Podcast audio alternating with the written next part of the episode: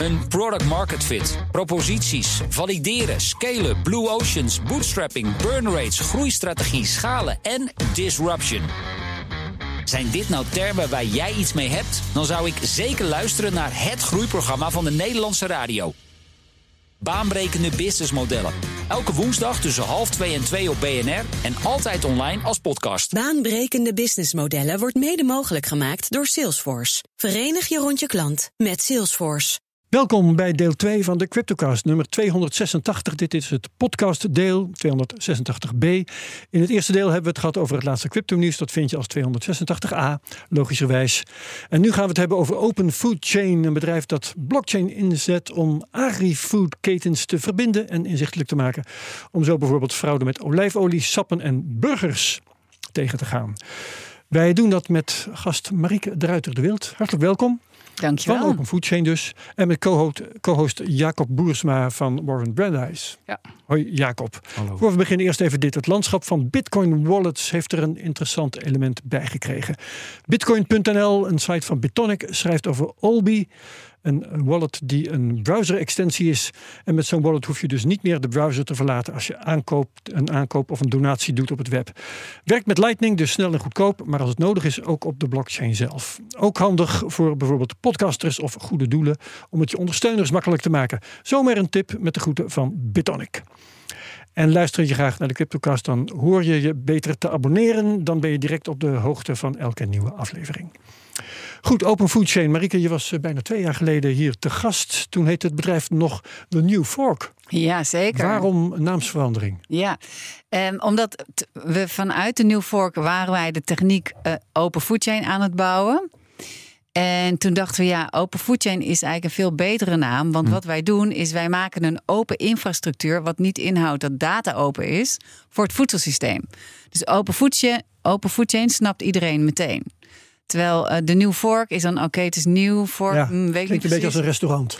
Nou, sterker nog, ik krijg dagelijks belletjes. ja. of ze tafeltjes kunnen boeken. Ja. ja. de, fork, de Fork is toch een, een, een de restaurantboek uh, ja, ja, ja. dus oké, okay, ah, dus hier komt het complete, het, het, complete verhaal. We heten eerst de Fork, want wat is er nou mooier dat we forken in blockchain, we forken in food. Ja. No-brainer to me, maar niet voor de rest van de wereld, zo per definitie. Nee. Toen kwam uh, Eens, wat werd overgekocht door een grote bekende. Dat werd ook de fork. Toen kregen wij dus al die telefoontjes. Ja. Maar nu met de nieuwe fork krijgen we nog steeds die telefoontjes. Maar dat is niet de reden waarom we zijn omgekat. We zijn omgekat omdat Open Food Chain is de technologie, de Layer 1 blockchain die we maken. En dat is ook precies wat we doen. Ja. We openen uh, ja. the future of food. Ja. Ja. Layer 1 blockchain zeg je. Uh, vorige keer vertelde je dat jullie op de blockchain zaten van Komodo. Nou, nee, oké. Okay. Nee, we hebben nooit op de blockchain van Komodo gezeten. Wij, ma wij bouwen met de tools van het Komodo-netwerk. Uh, oké. Okay. En wat eigenlijk interessant is, want niemand kent Komodo, hoeft ook niet. Wat veel interessanter is, we bouwen voort op de Bitcoin-technologie. En dat is destijds een hele uh, be, uh, betwijfelde keuze. We hebben heel vaak moeten uitleggen waarom niet op Ethereum, want we doen het allemaal op Ethereum. En uh, het antwoord toen is alleen nog maar sterker nu. Mm-hmm. Omdat wij UTXO willen. Dus wij willen uh, uh, het feit dat je triple entry accounting kan hebben. Nou, dat moet je allemaal even uitleggen. Gaan we allemaal veel uitleggen. in, één keer. Ja. en zero knowledge proofs. Dus je wilt ook kunnen dat jij data op een blockchain hebt staan. Die je wel kan gebruiken in allerlei mm-hmm. coole dingen. Maar die niet ontsloten wordt door uh, partijen. Zero knowledge proofs, dat kan ik wel uitleggen. Uh, dat je bewijst dat je iets hebt zonder het te laten zien. Ja. Tada. Ja, ja, ja dus het is dan... privacy beschermende technologie eigenlijk. Ja, ja precies. Ja. En echt wel van de in, in food. Heel, heel vaak wordt het. Uh, ja, ik vind natuurlijk geld helemaal niet interessant. Want dat geld is een middel tot iets. Mm-hmm. En dat iets is food. Want we eten met z'n allen toch wel voor 11 triljoen uh, uh, in, in, in de hele wereld. Is 11 een hele... triljoen dan waarschijnlijk, hè? Ja. Dat heet dan biljoen. Oh, ja. ja. sorry. Maar het wordt steeds een meer. beetje scherp want, uh, ja. Sorry. met stijgende voedselprijzen wordt het waarschijnlijk steeds meer ieder jaar ook nog eens. Ja, en schaarste. Ja. Ja, zeker weten. Dus dat wordt meer. Dus dat voedselsysteem is enorm. En hoe fijn is het als we dat eens een keertje gaan digitaliseren? Want een fun fact is dat, um, ik zei voorheen twee jaar geleden, agrifood is het minst gedigitaliseerde van al onze industrieën om ons heen. Nou, dan denk je al als mens zijn is dat toch een beetje zonde, hebben we een beetje kans gemist, toch? Mm-hmm. Maar wat nou blijkt, er is één sector en die is minder gedigitaliseerd. En dat is jagen. Waarvan je dan volgens mij eerst denkt van, hè, is jagen een industrie? Jagen is een industrie. En dat zou toch eigenlijk wat schaamte moeten opwekken bij iedereen. Oké, nou, Ja, ik, ik, jagen en dat verzamelen. is een nieuw Ja. gezicht- gezichtspunt voor mij. Ja, dus wat wij doen is wij digitaliseren het agrifoodsysteem voor iedereen. En Ja. we doen dat op zo'n manier waarbij het 100% ge- volledig gedecentraliseerd is. En dat is natuurlijk ook een punt dat in de nieuwe wereld van het nieuwe internet, Web 3 geeft de naam. Je hebt natuurlijk een onwijze schaal van wat is nou echt gede- gedecentraliseerd en wat niet. Wij geloven, ik geloof persoonlijk, we hebben in agrifood dus echt een gedecentraliseerd model nodig omdat het heel complex is. Hè? Dus het, het, het gemiddelde aantal kilometer van een bord wat je hier voor je hebt, Mhm. is eh, op zijn minst 500 kilometer. Ja, omdat het nou, heel Wat snel bedoel grensoverschrijdend- Dus de, de, de, de soort van de, de CO2-voetafdruk van, van Is wat je op je bord hebt liggen. Ja. Dus hoe ver het gaat over heeft. dit gaat over voertuigkilometers. Eh, ja, maar ook over nee, nou, heel veel eh, ja, voertuigen in de zin van eh, schepen, Ja. allerlei typen van Ja, voertuigen. waar het vandaan komt. Ja, het komt Ja. van ver. Ons voedsel komt van ver. Ja. Daarom heb je nu sinds corona heel veel druk rondom dat local to local. Mhm. We moeten meer lokaal gaan sourcen. Maar uiteindelijk, ja, ik zie jou ook niet elke dag een ontbijtje hebben van een appeltje en een, eh, een eitje en een, een stukje kip. Je wilt toch ook wel wat meer tegenwoordig. Dus het Ja. terugbrengen Ja, en be- naar van bepaalde vroeger. soorten voedsel kun je niet eens lokaal verbouwen hier. Dan, Nee. eh, dan, dan kun je ook al geen koffie en eh, chocola meer. eh, Maar ik wil in dit stadium graag weten hoe ik me dit allemaal concreet moet voorstellen. Ja. Ehm, ik neem aan dat het iets moet worden in jouw eh, toekomstbeeld van, ehm, noem eens wat, eh, QR-codes in de supermarkt op verpakkingen waar ik mijn mobieltje op kan richten.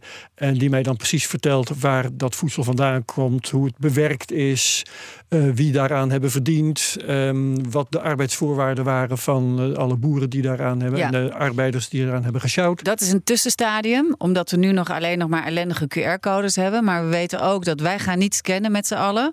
Ik wil helemaal niet de hele tijd lopen scannen. Ik wil een merk hebben wat ik kan vertrouwen. Oké, dat is een goed punt. Ja. Ja, dus onze propositie is B2B, dus van, van bedrijf naar bedrijf. Dus heel erg binnen Hmm. die supply keten, binnen die eh, eh, keten. Ja. Eh, wat, wat wel zo is, en dat is zeg maar die toekomst die jij schetst, maar dan een stapje verder. Onze voedselbehoeftes, eh, dus de nu- nutritieve eh, behoeften van ons lichaam, is enorm divers. En dat wil je, daarom willen wel wij een, een granulaire traceability hebben van de ingrediënten van je voedsel.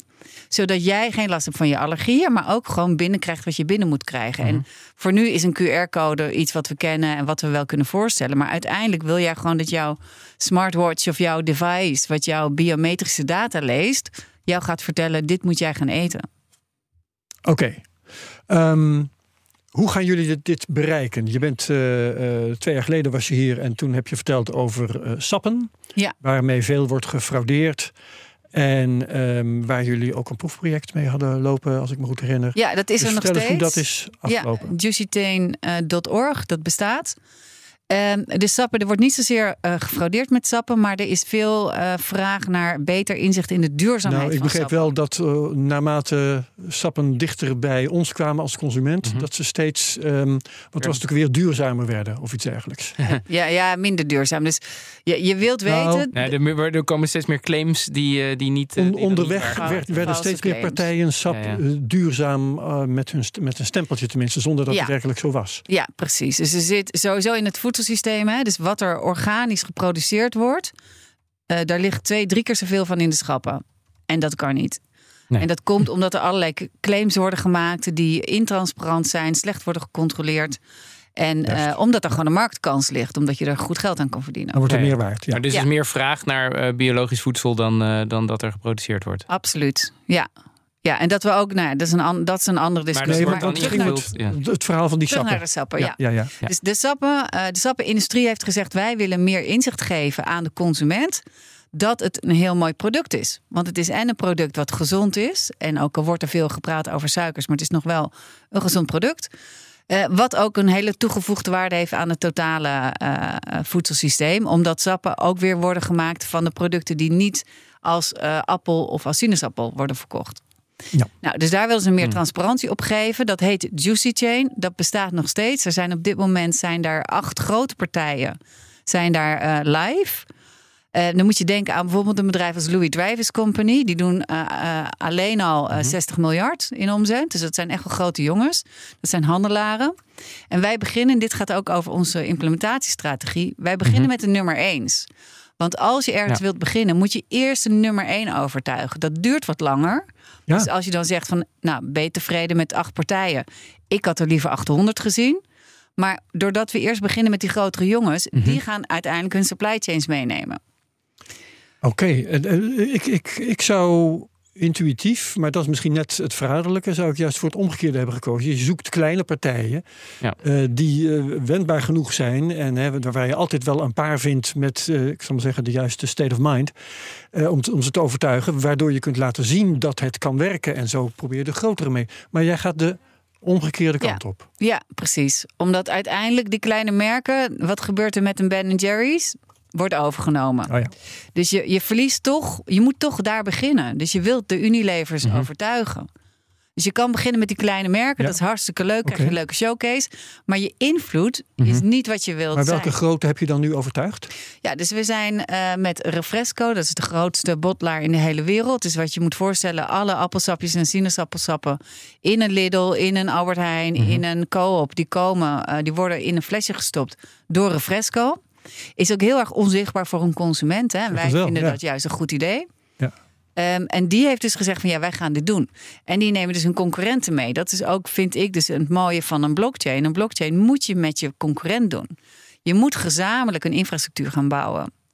Nou, dus dat, dat, dat loopt, dat gaat goed en dat gaat langzaam. Want in agrifood gaat alles langzaam. Het is niet voor niks dat agrifood de minst gedigitaliseerde sector is.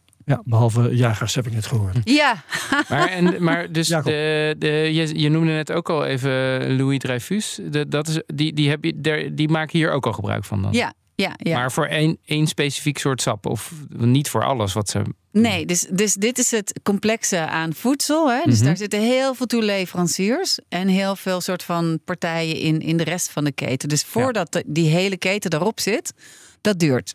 Ja, maar het voordeel dan weer van de voedselindustrie is dat het vormt een beetje een zandloper. Dus je hebt natuurlijk in het midden heb je, een, heb je maar een paar hele grote bedrijven, waaronder Louis Dreyfus en Cargill bijvoorbeeld ook, Ja. die, ehm, die eigenlijk eh, ongeveer alles doen. Dus je hebt heel veel boeren, eh, de miljoenen, misschien wel miljarden over de wereld. Je hebt natuurlijk miljarden consumenten. Ja. Maar ergens daartussen gaat het allemaal door de handen van, van ongeveer vier grote bedrijven. Nou, en, die, en daar zijn wij dus mee aan het werken. Ja, dus dat, dat is zeg maar de, de, de, de, de, de, tip, de point waar je het op tipping wil... eh, point, de ja, tipping precies. point waar je op wil focussen. Ja, dan. ja, en dat is dus heel bewust een strategie die we vanaf het begin hebben genomen. Gaat niet snel, maar het werkt wel. Ja, eh, precies. En je zegt nu, ik heb een aantal grote spelers aan de haak geslagen. Wat betekent dat dan voor wat ik in de supermarkt, nou je, je noemt de Lidl, eh, wat ik daar aantref. Is dat al geblockchainificeerd of is dat proces net eh, aarzelend begonnen? Nou, en, en dit is dus iets eh, eh, wat gaat over hoe staan we er in Nederland voor versus de rest van de wereld. Ja. In Nederland hebben retailers een grote macht over eigenlijk dat voedselsysteem. Die bepaalt wat wij zien en wat wij kopen en wat we weten over een product. Eh, en in Nederland is dat best wel een gecontroleerde markt. Hè? Mhm. Albert Heijn en Jumbo en dan hebben we de Lidl en de Aldi. Ehm, en die hebben op dit moment geen sterke push voor een, eh, een transparantie in de schappen. Dat zie je dus wel bij de Odins. Maar en wacht de- even, daarnet zei je, eh, die transparantie in de schappen, die hebben we niet nodig, want ik wil gewoon een merk dat ik kan vertrouwen. Ja. ja. Ja. Maar dat gaat dus duren voordat een Mhm. retailer genoeg tractie ziet en denkt van oké, dan kan ik daar dus een schap met alleen maar transparante producten neer gaan zetten. Maar ligt dat bij de retailer of ligt het dan bij de merken? Want de, de, eh, ja, die retailer die heeft natuurlijk heel veel verschillende merken liggen. Het, het- ik, ik zie niet zo snel gebeuren dat Al- Albert Heijn gaat eh, zeggen van nou ik wil alleen maar merken verkopen die, eh, die hele transparantie bieden. Dan, Nee, zeker niet. Dat gaan ze zeker niet doen. Nee.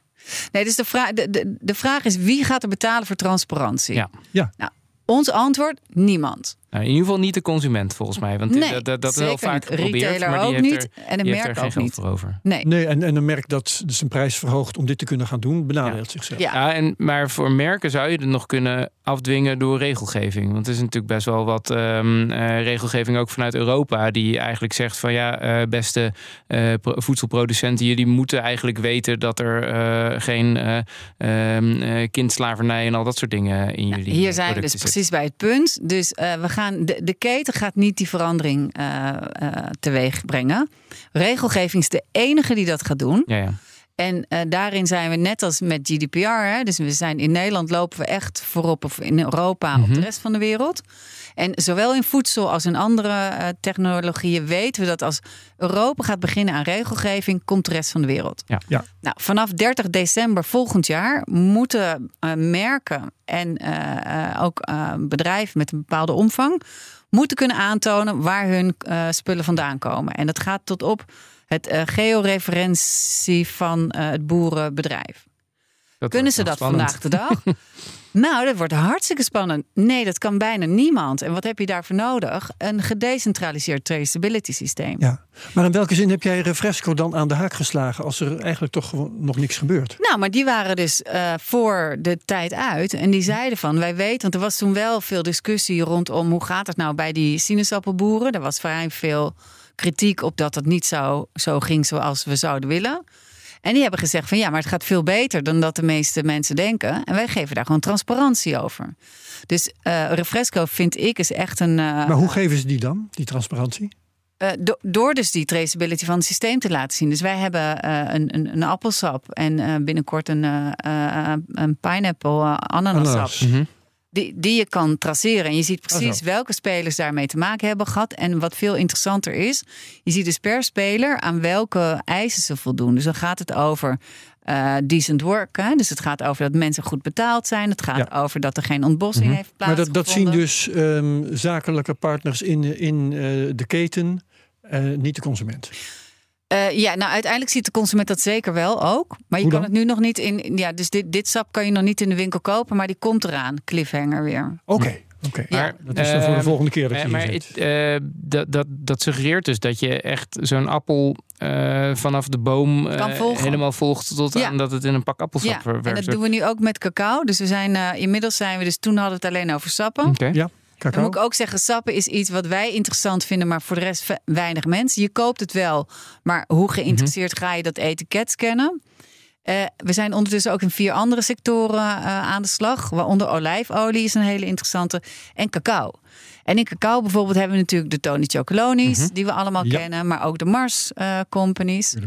En die cacao wordt eigenlijk ingekocht en verkocht door de nummer één. Dat zandlopertje en dat is Ja. Barry Callebaut. Ja. Nou, die zijn ondertussen ook eh, eh, die zijn aan, tot inzicht aan het komen dat met hun huidige technologische eh, ja, spa- spaghetti Mhm. kunnen ze die transparantie niet leveren. Dus die hebben een, een open food chain solutie, oplossing nodig om dat te kunnen aantonen. En dus niet alleen naar de consument, maar zeker ook naar hun tussenpartijen. Want jij wilt al, die, al die partijen daartussenin, die willen bepaalde eisen kunnen stellen en die willen kunnen garanderen dat die eis voldaan is.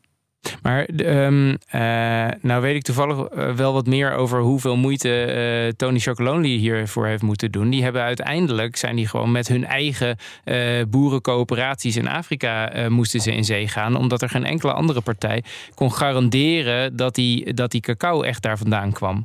Omdat uiteindelijk het probleem is natuurlijk dat in de huidige situatie heel veel van dat soort spullen worden ergens op een grote hoop gegooid. Ja, ja dus daar hebben we nu wat wij dus nu doen. We zijn in Latijns-Amerika eh, aan de gang, dus in Mhm. Colombia en Peru. Meest cacao komt uit de oksen van Afrika. Ehm, en wat wij doen is, wij zijn bezig met een technologie, dus de, de open food chain infrastructuur, maar die gaat samenwerken met een applicatie waarbij jij als boer, maakt niet uit hoe klein, met een hele simpele telefoon waar je een foto mee kan maken van jouw cacaoboom. Ja. Die kan valideren met eh, allerlei satellietdata en datasystemen dat het eh, ontbossingsvrij is. En dat schiet je de, de blockchain in. Dus je moet er wel voor zorgen dat je, eh, je, je, je supply chain dat die, eh, afgeschermd is. Dus je kan het op dit moment nog niet op de grote hoop gooien. Ja. Maar door technologie en de, de, toch de, de hele sner- sterke kostenverlaging van eh, IoT, Internet of Things devices, Mhm. gaan we absoluut toe naar, we gaan weg van wat je noemt een mass balance systeem. Ja. Waarbij je geen idee hebt wat er gebeurt. Ja. Is echt, dat zou ik echt wel ook een soort van scam noemen. Nou, mass, eh, misschien om het even uit te leggen. Een mass balance systeem is dus eh, dat je zegt van nou, ehm, er- ergens zijn er zoveel eh, boeren die zoveel kilo biologisch of, of nee, zonder ontbossing produceren.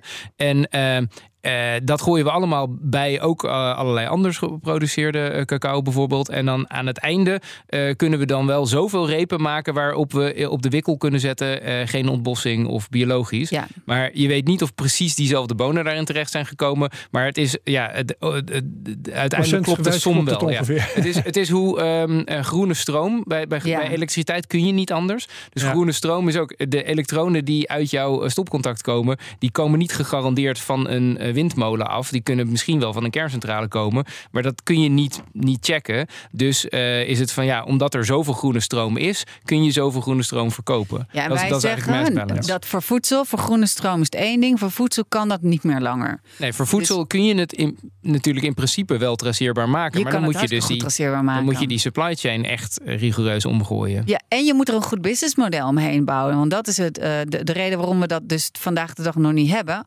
Omdat je, eh, het, is een, een, het agri-food systeem heeft hele lage marges. En je moet Mhm, een businessmodel hebben wat werkt voor iedereen. En In dat de is zin wat je- ook dat de, wie zich aan eh, nette criteria houdt, ook meer betaald krijgt. Ja. Dat is wat je bedoelt. Absoluut. Ja, en dat is natuurlijk ook een idee. De, een, een, een, een partij als eh eh, Fairfood in Nederland, die, die gaat daar ook naar, die, die streeft daar ook naar. Dat, dat, betalen van die, van die mensen, dat is natuurlijk, richt zich dan ook natuurlijk weer vooral op boeren. En dan met name boeren in, in het eh, globale zuiden. Die natuurlijk vaak helemaal niks, of bijna niks betaald krijgen voor dingen die bij ons heel erg duur in de schappen Ja. liggen. Ja, dus die hele waardeverdeling door de keten is natuurlijk krom. Dat is niet alleen in food, dat hebben we natuurlijk in meer industrieën. Absoluut. Dat moet aan de ene kant wat beter gecorrigeerd worden. Maar uiteindelijk moet dus eh, het goed geproduceerde voedsel moet veel zichtbaarder Ja. en beter beloond worden. En dat is waar blockchain technologie en open food chain eh, helpt. Ja. Dit, dit hele verhaal zet een premie op, eh, nou ja, eh, een, maatschappelijk verantwoord ondernemen. Zou Nee, ik denk niet dat het een premie Nee? wordt. Nee, dat, Nee, dat hebben we de afgelopen twintig jaar geprobeerd. Nee, je wilt het, wordt het wordt fatsoenlijk gewoon... betaald worden, is toch meestal meer betaald worden? Nee, nee, want op zich hoeft, het, hoeft voedsel ook sowieso niet duurder te worden. Wat het wordt, het, het, het wordt gewoon een license to sell. Als jij je spullen Oh. niet voor elkaar krijgt, Ja, ja. krijg je het niet verkocht. En dat is het mooie aan die nieuwe Europese wetgeving. Ja, Op het moment dat jij niet kan aantonen waar het vandaan komt, Ja. moet je je spullen uit de markt maar halen. dat, dat, eh, dit was nog maar de inleiding van mij tot een vraag. En die vraag die is, ehm, het wordt aantrekkelijk om te doen alsof je eh, je spullen netjes produceert. En daar hadden we het de vorige keer ook over. Hè? eh, Garbage in, garbage out. Mhm. Ja. Dus hoe ga je controleren dat wat er wordt ingevoerd aan het begin van de keten, dat dat ook klopt? Ja. Dat doe je heel simpel door een open publieke infrastructuur te hebben die publiek verifieerbaar is. Dus waardoor niet alleen de auditor kan zeggen: ik teken hierop af, maar waarop Mhm. de hele wereld kan aftekenen. Nou ja, maar je kunt niet iedereen kan eh, ergens in Afrika bij de cacaoproductie, als dat daar gebeurt, dat neem ik maar eventjes aan, eh, aanwezig zijn. Ja, maar er zijn genoeg En mensen die dat wel zijn. Ja, ja. En dat Ja, is ook waarom bij ons, wij zien bijvoorbeeld een grote rol voor journalisten, voor eh, Mhm. NGO's. Die eh, op zo'n blockchain precies kunnen zien wat er nou gebeurt en wat Ja. er En dan toch eens nou gaan kijken. Nou, het, het- hier, Ja. de schaalvergroting gaat daar natuurlijk wel bij helpen. Want eh, de, het lastige is in dit soort situaties, als, er, als je een paar boeren hebt in, eh, in Ghana bijvoorbeeld, die je zegt van nou, ik betaal jou een premium omdat jij die, eh, die cacao die jij produceert op de blockchain hebt staan, dan creëer je natuurlijk een onwijze incentive dat de, de boeren die daarnaast wonen zeggen, hier, ik heb hier ook nog een paar zakken cacao, die, die Ja. geef ik jou eventjes eh, in het hols van de nacht, zet ik die in je schuur en dan, hey, dan heb ik in één keer nog meer cacao geproduceerd. Ja. Dus Ja. als, maar als dat hele land, eh, zou ik maar zeggen, eh, op dit systeem zit, ja, dan, da- dan misschien krijg je dan over de grens heen gesmokkeld, maar eh, dan wordt het het alweer een license to ingewikkelder. sell is, misschien alleen maar sterker dan wanneer het alleen maar gaat om een prijsverschil. Ja, en uiteindelijk weet je, wat, wat, la- laten we heel duidelijk zijn over wat blockchain kan. Het enige wat blockchain doet, maakt data onveranderlijk en publiek, in, in ons geval publiek verifieerbaar. Ja, informatie. Dat, ja, dat is super saai, maar dat is onwijs belangrijk. Want anders heb je geen idee wat de validiteit van je data is. Nou, al dat andere over hoe ga je nou die fraude en hoe ga je nou mensen in. Hoe ga je eh, de menselijke natuur Mhm. limiteren om te frauderen? Daar heb je IoT, daar heb je hele andere dingen voor nodig. Ja. En wat heel belangrijk is, daar heb je dus wel een nieuw. eh, eh, een nieuw beloningssysteem nodig. En dit is waar bijvoorbeeld een token eh, om de hoek komt kijken. Ja. Want je Oh. wilt dus in plaats van dat een auditor, eh, wat toch een hele kleine sector is, die hoge marges heeft, alleen recht heeft om te zeggen van oké, dit is biologisch of dit is oké. Wil je dat natuurlijk veel verbreden? Je wilt die markt, die, die, die verificatiemarkt, die wil je veranderen. Waardoor je bijvoorbeeld allerlei partijen die om zo'n boerderij wonen, kan gaan laten verifiëren en kan gaan laten verdienen door middel van een token. Dit, is het, eh, dit gaat over het elimineren van de menselijke factor. Dat zou ik sowieso graag keer- willen doen, ja. Ja, maar wat, wat eh, draagt zo'n token daaraan bij? Leg dat eens uit. Hoe werkt Nou, dat, dat? Je, da- dat je dus een eh, incentive kan creëren eh, in, in, een bestaande, in een be- bestaande keten. Maar en die token, dat, dat representeert dus wel weer ook geld dus uiteindelijk. Ja. Want anders kun je, ja, ik bedoel, anders is het leuk dat je tokens verdient, maar dan kun je er Ja, maar die mee. wil je natuurlijk wel gewoon omwisselen in, in, in lokale. Ja, dus dan, ja. en dan de- daarmee is het een, het is een soort stablecoin dan eigenlijk. Je wil, Ja. het wil, die token moet, niet, eh, moet geen speculatie in plaatsen. Het moet gewoon een vaste waarde precies, representeren. precies, Maar ik wil precies. toch En dit- preciezer weten hoe, hoe het werkt. Eh, want ehm, ik kan, eh, je noemt ook IoT, Internet of Things. Ik kan me voorstellen dat je op allerlei plaatsen sensoren hebt staan die, eh, nou, weet ik veel, gebruik van pesticiden of zo registreren. Ik, ja, ik probeer het maar wat eh, bodemkwaliteit. te verzinnen. Ja. Maar wanneer krijg je nou tokens voor het doen van wat Ja. als ondernemer? La- laat ik allereerst zeggen, de, de, de Open Food Chain token gaat niet meteen daarop in. Hm? Dat is waar wij met andere partijen, dus de- decentralized finance partijen, gaan samenwerken. Waar eh, de Open Food Chain token over gaat, is dat partijen die in zo'n keten zitten en meewerken of eigenlijk gebruik maken van die infrastructuur, dat daar zit een relatie met een token. Dus wij, wij hebben wat dat betreft een hele unieke. eh, Oké. Dus een incentive voor deelnemen aan het systeem Ja. eigenlijk. Ja, ja. ja, ja, Want eh, Ja. precies, eh, de- want, en, en dan, daarmee werkt het natuurlijk als tokens van heel veel verschillende eh, eh, bedrijven. Maar dan, eh, je zou uiteindelijk in de eindsituatie zou je niet per se dat token nodig hebben om, eh, om die boeren te betalen. Toch? Dan zou je ook willekeurige andere stablecoin kunnen absoluut. Ja. En daar Sterker is nog- al heel veel, dus daar gaan wij niks doen. Daar gaan Nee. we alleen partijen op Ja. laten aansluiten. En dan, want het is, het, of die boer er iets aan heeft, is nog ook sterk afhankelijk van of hij die token weer kan inruilen eh, voor, voor dingen die hij zelf nodig heeft of Ja. voor lokaal geld. Ja. Nou goed, en is die token er al? Hoe, hoe staat Nee, dus onze Open Food Chain token, Ja. eh, die gaan we lanceren volgend jaar. Eh, een van de redenen is omdat de cryptomarkt nogal wat robuust en saai is, hoorde ik net. maar eh, allereerst, de, de, de, wij hebben dus een utility token. Dus wij zijn geen security token, wij zijn geen crypto. Wij zijn gewoon een heel saai utility token. Dus een token waar je wat aan hebt. Mhm. Maar iets met een functie. Iets met een functie, ja. En laatst zei onze eerste, een van onze eerste seed eh, investors die in de gaming zitten, die zeiden: jullie zijn het enige blockchain project waarvan ik weet dat jullie hebben een echte utility, eh, doet echt iets in de wereld en jullie doen ook wat jullie beloven. Nou, Dat vonden wij dat, natuurlijk eh, leuk om te horen. Maar een mooie opsteker dan, Ja, ja. toch? Ja, Ja, ja. ja. Uiteindelijk is eh, wat wij dus doen als Open Food Chain. eh wij hebben gewoon een traceability systeem wat we aan eh, supply chain partijen verkopen. Mhm. Dus daar beginnen we bij die leider. Die neemt zijn toeleveringsketen mee en zijn con-collega. De marktleider bedoel je? Ja, de marktleider. En wat daar zeg maar omheen beweegt, die eh, gebruiken dan de infrastructuur. En wij verkopen dat gewoon als een SaaS-model, een software as a service model. Nou, een deel, een, een SaaS-component, dus een, een, een jaarlijkse eh, administra of een, een jaarlijkse fee, die bestaat uit twee componenten. Eén is het onderhoud en het andere is de toegang. Nou, in die toegangscomponent, daar zit het Open Food Chain token. Dus hoe meer partijen gebruik maken van Open Food Chain, Mhm. hoe meer tokens er in de markt worden weggehaald. Dus hoe meer eh, eh, gebruikers er komen, hoe sterker dat ecosysteem wordt. Ja, maar eh, nu de functie, hè, dus eh, er, komen meer tokens naarmate er meer partijen zijn. Maar eh, krijg je een stapel van die dingen als je toetreedt? Of Ja. krijg je ze Ja, wanneer waar- waar je iets komen ze vandaan, de Ja. tokens? Ja. Ja, gewoon van de markt. Dus we gaan hem lanceren in Q1 volgend jaar. Ja. Eh, we zijn nu bezig met een token sale. Dus we hebben op dit moment een, een private ronde waarin we nog op zoek zijn naar een, een lead investor. Dus we hebben tot nu toe ongeveer een miljoen opgehaald. We zoeken nog een lead investor van een half miljoen. En eh, als we dan de, eh, de private ronde hebben afgerond, dan gaan we een lanceringsplan maken voor volgend jaar. Dit echt onder de condities dat de cryptomarkt zichzelf wat gezonder weet te maken. Ehm, en dan wordt dat, eh, dat Open Food Chain token gekoppeld aan het SaaS-model. En dan, dan krijg je een initial token offering eigenlijk. Ja. Eh, ja. Ja, precies. Ja, en het mooie. Dus dan kunnen partijen eh, investeren in het hele project Ja. door die to- token te kunnen. Nou ja, maar het was nee, geen belegging. Dat, nee, ik wou zeggen, dat kunnen ze nu dus doen. Ze kunnen nu inkopen op die paar tokens, de 13% die we verkopen in Oké. totaal. Maar op het moment dat dat token live is, dan is, en daar zijn we echt heel anders in dan alle andere crypto-projecten. Ons klant is de eh Agri-Food partij die tokens gaat kopen, Mhm. omdat die toegang nodig heeft. Ja.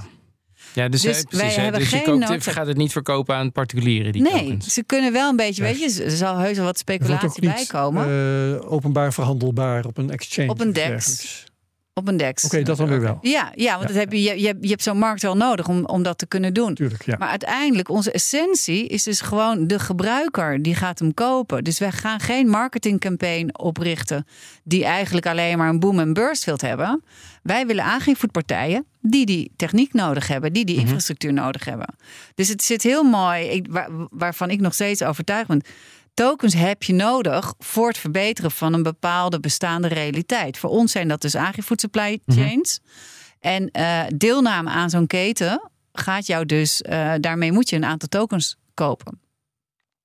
En Ja. uiteindelijk, maar dit wordt dag, ja, ik dacht natuurlijk al lang twee jaar geleden dat we daar zouden zijn, maar daar zijn we natuurlijk Mhm. nog steeds niet.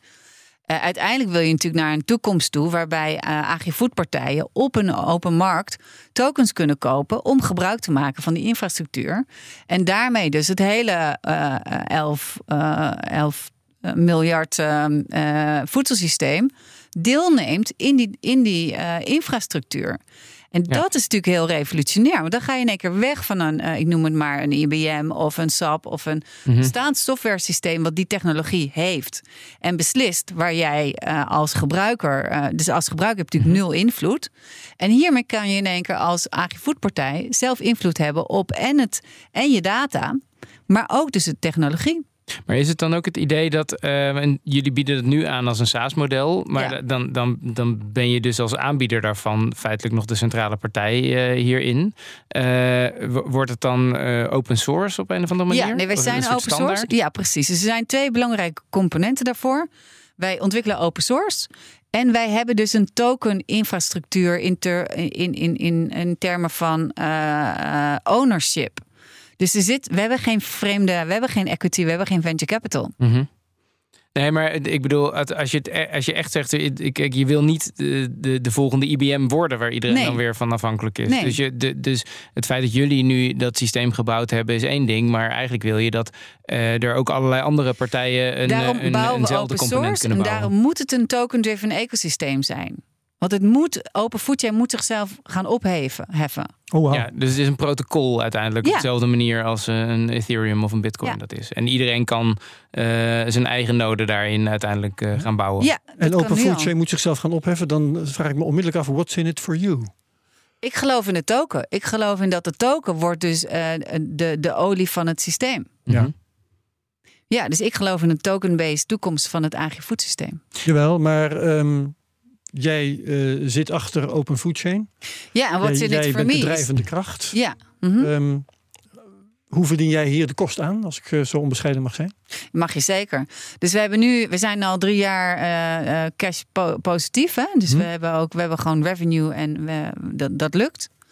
En uiteindelijk dat token gaat circuleren in zo'n infrastructuur, in, Mhm. in zo'n markt.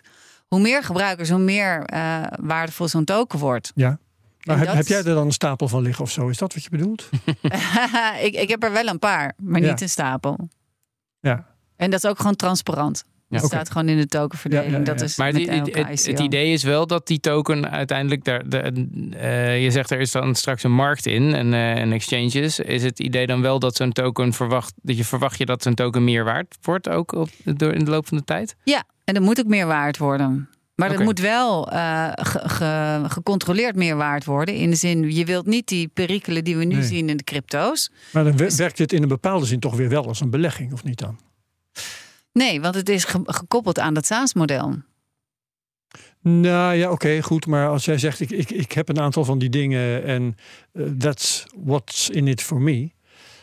Dan als is je- het toch, als je dan hebt, functioneert dan, het eh, voor dan jou heb je ook een incentive. soort Nou ja, goed, eh, je kunt zeggen, dan is het een incentive om te zorgen dat het systeem beter werkt. Eh, maar ik, wa- wat ik hem, waar ik hem lastig vind, is als je, als je dus deze tokens nodig hebt om deel te kunnen nemen aan het systeem, dan is er ook een risico aan de waardestijging ervan. Dat is de, de- dat het op dezelfde manier dat een, een, een kostenstijging van, van brandstof mensen in de problemen kan brengen. Eh, als je deze tokens straks moet gaan kopen eh, en, en ze zijn in één keer in waarde verdubbeld, dan, dan daar, daarmee creëer je ook Een drempel. soort eh, drempel in het. eh, in ja, het maar daar hebben we dus, eh, en daarom hebben we dus de, de Open Food Chain Foundation, die Mhm. daar toezicht op heeft en die één belang heeft dat dat token gezond ontwikkelt. Mhm. En eh, uiteindelijk ga je natuurlijk verborgen dat dat niet gaat gebeuren. Dus onze tokenomics zit zo in elkaar dat je niet eh, overgeleverd bent aan eh, de perikelen van wie dan ook. En als je nu kijkt, als je nu eh, software gebruikt van, nou, na, laten we maar een X noemen of, of wat Mhm. dan ook. Dan ben je pas echt overgeleverd aan wie weet wat er gaat Ja, komen. ja. En in dit geval ben je dus als agri-foodpartij onderdeel en, en aandeelhouder Mhm. in het systeem. En je hebt allemaal één belang. En dat is te zorgen dat die infrastructuur doet wat je wil doen. En dat is die supply chains efficiënt maken.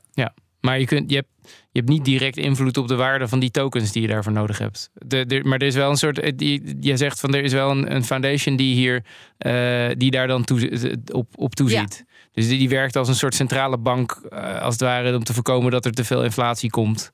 Eh, moet die, ik het zo werkt zien? op- die, die werkt als een eh, een centrale bank die zorgt dat een token een gezond token blijft. Mhm. Dus dat de token doet waar het voor ontwikkeld is. Oké, en ja. dat is om supply chains eh, efficiënter te maken. En wat voor middelen heeft die eh, foundation dan? De, wat voor een. Om die Wat voor instrumenten om, gezond te houden? om, Wat om, voor- ja, om, om, dat, om het allemaal te om het controleren. netwerk, of het protocol te. Ja, dus, dus in principe staat een, to- een token is gewoon ontwikkeld. Mhm. En eh, in, in de board van de stichting zitten bijvoorbeeld mensen uit het agri-food systeem. Hè? Dus mm, het zit eh, de, de Chief Agriculture Officer van Mars Company.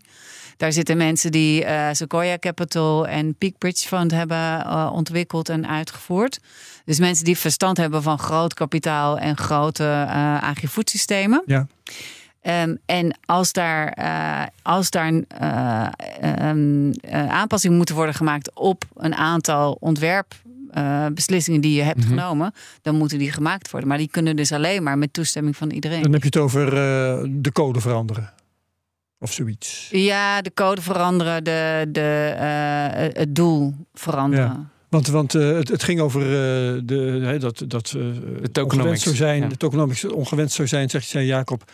Als de prijs van zijn token opeens ver- verdubbeld is, dat een drempel op kan werpen. Zeg je, nou ja, we, we hebben die Ja, eh, dus- toezichthouder. Ja, precies. Want dan kan je Wat kan dus, die dan doen? die kan dan dus zeggen van nou, in plaats van dat je eh, twee tokens nodig hebt, heb je nu één token nodig. Oké. Ah, zo. Ja, zoiets. Ja, dus Ja. en, en dat, daar, daar zit een soort gedistribueerd governance model Ja. achter. Zoals je ook wel Ja. bij, eh, bij bepaalde. ja, dus alle deelnemers die hebben een node. En die, die kunnen dus ook stemmen over ehm, eh, de, de verandering in het protocol. Ja, absoluut. En die moeten stemmen over die verandering in het protocol. ja, ja. ja. En dat, dat, dat werkt op een soort proof-of-stake eh, concept. Dus eh, de, de, de, afhankelijk van hoeveel tokens je hebt, heb je meer gewicht in de stemming? Of? Nee, nee, en dat is toch ook, hè, want uiteindelijk zijn we daar natuurlijk nog heel erg aan het leren Mhm. met z'n allen als ecosysteem. Hè? Ja. Want de voorbeelden, en die zijn er nog niet. Nee, Dus ja, daarom- ja, je kunt zeggen er zijn heel veel voorbeelden, maar ook heel veel voorbeelden van hoe je het niet moet doen. Ik wou je zeggen, er zijn met name voor, voorbeelden van hoe je het niet moet doen en hoe het niet gebeurt. Dus Ja. eh, daarom hebben we dus nu ook die Open Food Chain Stichting, die zolang wij nog niet klaar zijn en de techniek nog niet voldoende is uitontwikkeld, Mhm. gaat die ervoor eh, voor zorgen dat eh, de intenties op een goede manier worden uitgewerkt Ja. op het juiste moment. Dan wil ik nu het onderwerp even iets veranderen, want we moeten het nog hebben over eh, natuur en klimaat. Eh, dus de na- natuurherstelwet eh, is, er, is er onderweg. Hè? Mhm. Ehm, hoe, hoe belangrijk is het voor jullie dat, eh, dat we fatsoenlijke klimaatwetgeving krijgen? Wat Ja, heel Hoe- belangrijk. invloed Ja. heeft dat? Nou, uiteindelijk is natuurlijk de landbouw ehm, wordt, wordt in een heel heftig daglicht gezet als het gaat over natuur- en klimaatbeheer. Uh, moet ik ook echt zetten, zeggen, daar is ook veel uh, onbegrip. En ik denk ehm, niet altijd goede uitleg van hoe het echt zit. Hè? Agri mm -hmm. Agricultuur uh, in het goed Nederlands is heel ingewikkeld. Het is niet zo simpel dat we dan met z'n allen organic moeten gaan worden. Dus uh, omdat het allemaal van allerlei onafhankelijkheden en afhankelijkheden met mm -hmm. elkaar verbonden is, uh, moet je daar ook goed kijken dat als je op dit knopje drukt, wat gaat er dan ergens anders gebeuren? Ja, dat weet je ook niet altijd. Nee, er zijn ook ongelooflijk systeem. veel verschillende spelers in natuurlijk. Ja. Ik bedoel, een, een, een kleine um, uh, fruitteler is in, heel iets anders dan iemand die een gigantische uh, bio-industrie varkensstal heeft. Ja. Terwijl het zijn allebei boeren. En het, als je, je bent snel geneigd om dan in het uh, discours dat allemaal op één hoop te gooien. Maar de maatregelen die je moet nemen zullen, zijn totaal anders. Dus het is een super complex systeem. Ja, en ook Nederland is anders dan België en is anders dan uh, India bijvoorbeeld. Hè? Dus het, het verschil tussen ecosystemen, dus agrifood-ecosystemen, is enorm. Mm -hmm. En de vraag is ook van ja, moet je nou, uh, moeten ze in Brazilië uh, uh, gaan stoppen met het geld verdienen aan het bos, omdat wij hier hoeveel jaar geleden het bos al lang hebben weggehaald? Dat zijn moeilijke vragen. Het zijn echt moeilijke vragen. Ja. En hoe ga je dan, en ook hier denken wij. Hoe vergoed je ze daarvoor? Daar is trouwens ja. Ja. beweging in. Hè? Daar is Rijke landen hebben een fonds opgericht. Het is allemaal nog moeizaam. Maar, uh, om, en dat is dus ook waar wij zien dat uh, een open foodchain infrastructuur uh, kritiek is. Want je wilt dus juist die in incentives, die moet je goed kunnen uitwerken. Ja. Dat moet gaan uh, buiten de bestaande systemen om. Want als je kijkt naar de hele CO2-markt, mm -hmm. Is ook een zieke markt. Je had Nou, het dat even is- over energie. Ja, nee, CO2, eh, heb je natuurlijk de afgelopen maanden heel veel eh, gevallen gezien van onderzoeksjournalisten die daarachter zijn gekomen dat, dat al, die CO, die- al die carbon credit eh, uitgevende agencies eigenlijk ook allemaal dubbel dingen besteden. En Ja. heel veel, er zit heel veel. En dat gaat weer even terug naar waarom wij zo blij zijn met onze Bitcoin-technologie. En Ja. dat gaat weer terug naar die UTXO. mhm. Dat is een triple entry accounting systeem. Dus je kan nooit meer hebben dan dat, jij, dan dat er het systeem ingaat. Dus in Je kunt er niet zomaar tokens bij maken. Nee. Ja. nee, dus dat garandeert een bepaalde eh, waarheid van een kloppende balans. Als je het hebt over complexe dingen als enwa- het, het, eh, milieu, eh, klimaatverandering, dan heb je dat soort technologieën nodig. Want je Mhm. moet weten wat je denkt dat het is, dat dat het ook zo is.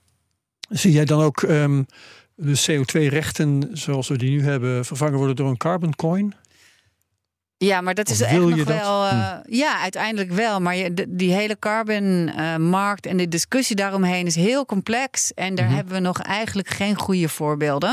En het is heel makkelijk om het heel eh, plat te slaan en simpel te maken. Maar waar ik wel in geloof is dat landbouw is eigenlijk een van de grootste redders van eh, het klimaatprobleem. Omdat we namelijk de, de CO2 in de aarde vastleggen. En je moet Als je daarom- het goed doet. Als je Dat het goed doet. hangt er helemaal vanaf op wat voor manier je landbouw eh, doet natuurlijk. Als je het goed doet. Maar, maar het is wel een van de grootste kansen om eh, het klimaat, de klimaatverandering te beheersen. Ja, eigenlijk regeneratieve landbouw heb je het dan eigenlijk over. Ja, Ja, En op je moet zichzelf ehm, eh, tarwe verbouwen, dat slaat niet zo vreselijk veel eh, koolstof op. Want er wordt wel koolstof opgeslagen in al die aren, maar Ja. die haal je er meteen ook weer uit. ja, en olifantsgas is bijvoorbeeld Dat een beter idee. Ja. Oh, ja, ja. Nee, maar er hangt ook heel veel samen met bijvoorbeeld als je land omploegt, dan, dan komt er weer heel veel eh, eh, vrij. Terwijl als je het niet omploegt, dus dit Oh ja, gaat ook om technieken die je gebruikt. eh, Ja, zijn Ja. heel Net wat jij zegt, hoe doe je het? Ja. Ja. Ja, en hoe zet je daar dus de juiste incentives op? Ja. Ja. En dat is waar je een nieuwe techniek nodig hebt die nieuwe incentives kan ontwikkelen. Ja, want anders is de incentive gewoon zoveel mogelijk productie in zo kort mogelijke tijd. Ja. En daarmee ja, pleeg je letterlijk roofbouw op, eh, op de natuur. Ja. En, maar, en daar zou, want eh, ja, de, de- jullie token heeft natuurlijk een bepaalde incentive eh, structuur voor, voor, die, voor die boeren. Ehm, eh, zie jij dan jullie token ook een soort rol als in, in, in een carbon credit systeem? Want Ja, dus een belangrijk deel wat wij bijdragen is dat we boeren een, een eigen wallet geven. Mhm. Waarbij dus alle data en het geeft ze toegang tot Web3 en alles Mhm. wat daar gaat komen. Maar ook dat alle data die zij zelf hebben ook van hen is en zij eraan kunnen verdienen. Ja, en, maar dat, en dat zou dan ook eh, in- die zin open zijn dat je er ook eh, andere tokens à la een, een carbon credit aan zou kunnen Ja. koppelen. Ja, oké. Je had het de vorige keer over een window of, of opportunity. Ja. Hè? eh, zo, om het in een paar woorden samen te vatten, nu of nooit. Ja, nu. En helemaal met de regelgeving. Wij zijn heel blij. En ik moet je eerlijk zeggen, het is mij eigenlijk, duurt allemaal veel te lang. Hè? Dus het Ja. is nu pas dat we weten. Want je bent nu minder ver volgens mij dan je toen verwachtte dat Ja. je nu zou zijn. Ja, maar aan de andere kant, ik ken collega's in de Web3-sfeer en die zijn er helemaal niet meer. Dus in die zin zijn wij hartstikke blij waar we zijn. Ja. We zijn wel een stuk verder dan waar we waren. Want in plaats van één hebben we er nu vijf. We hebben er drie mol meer op de, op de rol Bedoel je zitten. bedrijven of sectoren? Nee, industrieën. Industrie, ja precies. Want het was natuurlijk weer, even kijken, juice, burger, shrimp, cacao, olijfolie. Ja, en we gaan nu met suikerspijzes, eh eh, her- Spices is eh, specerijen. specerijen. Ja. VOC Ja, mentaliteit. Suiker is al een hele interessante, hè? want dat Suiker is is natuurlijk iets wat overal in zit. Dat is Ja, wel iets anders suiker- dan. Dan eh, moet je Big. Sugar eventjes Suiker op de het- schop Het nemen. opium, toch? Ja. Ja. Ja. Ja. en het is ook een hele interessante eh, industrie. Waar heel veel protectie en waar heel Ja. veel Kun je eh, dat aan? gebeurt. Nou, die gaan we aan. Oké, Ja. Succes. Ja, dankjewel. Ja, dat, dat hebben we niet nodig. Wat we wel nodig hebben is dus investeerders in, zo'n, eh, in, in het Open Food Chain token. Ja, Ehm, en uiteindelijk, ja, de regelgeving helpt ons eindelijk. En dat had ik dus liever twee jaar geleden gehad. Ja. Maar nu, vanaf volgend jaar, zijn bedrijven verplicht. Maar misschien als nog heel even dan, eh, eh, om toch even advocaat van de duivel te spelen. Die, zie- die regelgeving maakt het verplicht dat je dan transparantie kunt geven over wat je als product neerzet, als, als producent. Maar waarom zou je daar een decentraal netwerk voor nodig hebben? Ja. Want je kunt toch ook gewoon zelf in je eigen database gaan bijhouden waar je dingen vandaan komen? Ja, maar probeer jij maar eens als een beetje handelaar eh, van al jouw toeleveranciers en de toeleveranciers van de toeleveranciers Mhm. dat voor elkaar te krijgen. Ja, maar dat- Gaat je niet lukken. Maar al die informatie moet je in zo'n decentraal systeem ook zien te krijgen.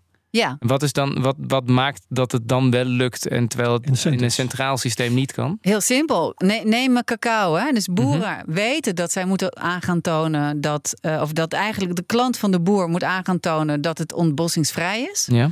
Boer heeft een incentive.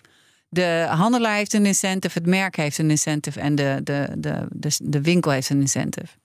En die incentive is omdat er een, een token achter zit waar ze mee betaald worden. Nee, en incentive is als jij het niet kan, als jij eh, dus je, de informatie niet hebt, krijg jij je spullen niet verkocht. Nee, dat snap ik. Ehm, maar de- de- dan nog, eh, de, de incentive is dus dat je die transparantie geeft. Maar kun je die transparantie dan niet geven in een centrale database, is eigenlijk de vraag. Nou, uiteindelijk. Waarom, waarom kun je dat niet? Oké, dat kan je dus niet. Dat kan je op het moment dat jij een hele korte keten in eigen beheer hebt. Dan kan dat heel goed. Ja, dus, je dus, de- dus het zou ook kunnen leiden, deze wetgeving, in een, in een zeg maar, een, in de negatieve situatie. Dat dus die ketens gewoon helemaal volledig gedomineerd gaan worden door, de, door die grote spelers. Ja, maar dat, dat is nog nooit gebeurd. Ik zie dat niet gebeuren. Eh, en uiteindelijk zou je dan een wildgroei krijgen aan allemaal proprietary systemen. De realiteit is een boer die levert op zijn minst aan eh, vijf retailers. Mhm. Dus die gaat niet in al die systemen van die vijf retailers zitten. Gaat niet gebeuren. Nou, kijk, ik, ik, ben, ik geloof ook echt heel oprecht in, in eh, decentrale technologie. Eh, ik, ik heb er notabene een heel Maar- bedrijf op opgericht. Ja, maar- maar, maar ik ben is- niet, ik ben niet per se ervan uitleggen. overtuigd dat decentralisatie uit zichzelf gebeurt. Ik denk dat je wel ook echt moet werken om te laten zien waarom decentralisatie voordelen heeft. Omdat centralisatie, dat is hoe we in de huidige wereld terecht zijn gekomen met vier gigantische Maar spelers. centralisatie heeft er ook toe geleid dat Agrifood het minst gedigitaliseerde is van allemaal. Dus het bewijs dat Mhm. centraal niet werkt, is daar. Maar nou ja, goed, maar digitalisering op zich is niet een voordeel, tenzij er een voordeel aan vasthangt voor de mensen die digitaliseren. En dat, dat kan door de, als, je ze, als ze er meer geld aan verdienen. En dat zou misschien kunnen door zo'n token. Maar dat, is, dat, dat, dat moet je wel uitleggen. Dat is niet een soort van automatisch dat digitalisering alleen maar eh, eh, automatisch het goede creëert. Maar digitalisering geeft dus wel veel, eh, geeft een kostenreductie en meer efficiëntie. En betere afstemming op eisen. Want als je weet de realiteit, hoeveel agrifood er wordt weggedaan. omdat de, de, de matching niet klopt tussen gevraagde eisen en Ja, aangeleverde oké, dus, dus eh, dat is eh, voedselverspilling eigenlijk. en tegengaan. hopelijk betrouwbaarheid eh, in Ja. combinatie met incentives. Ja, zeker. Ja, ja. Dus die, die, eh, die discussie van eh, met centraal kan je toch ook, met een database kan je toch ook, daar zijn we echt voorbij. Maar mijn vraag was eh, oh, naar dat window of opportunity. Eh, is dat nog open? Is dat eh, Ja, verlengd, al, om het maar zo te zeggen? Ja, nee, dus nu is er een window of opportunity van twee jaar, omdat die regelgeving dus nu in gaat komen Oh ja. vanaf volgend jaar. Als bedrijven eh, dat over een jaar nog niet gedaan hebben, eh, dan, dan heb je als bedrijf echt een probleem.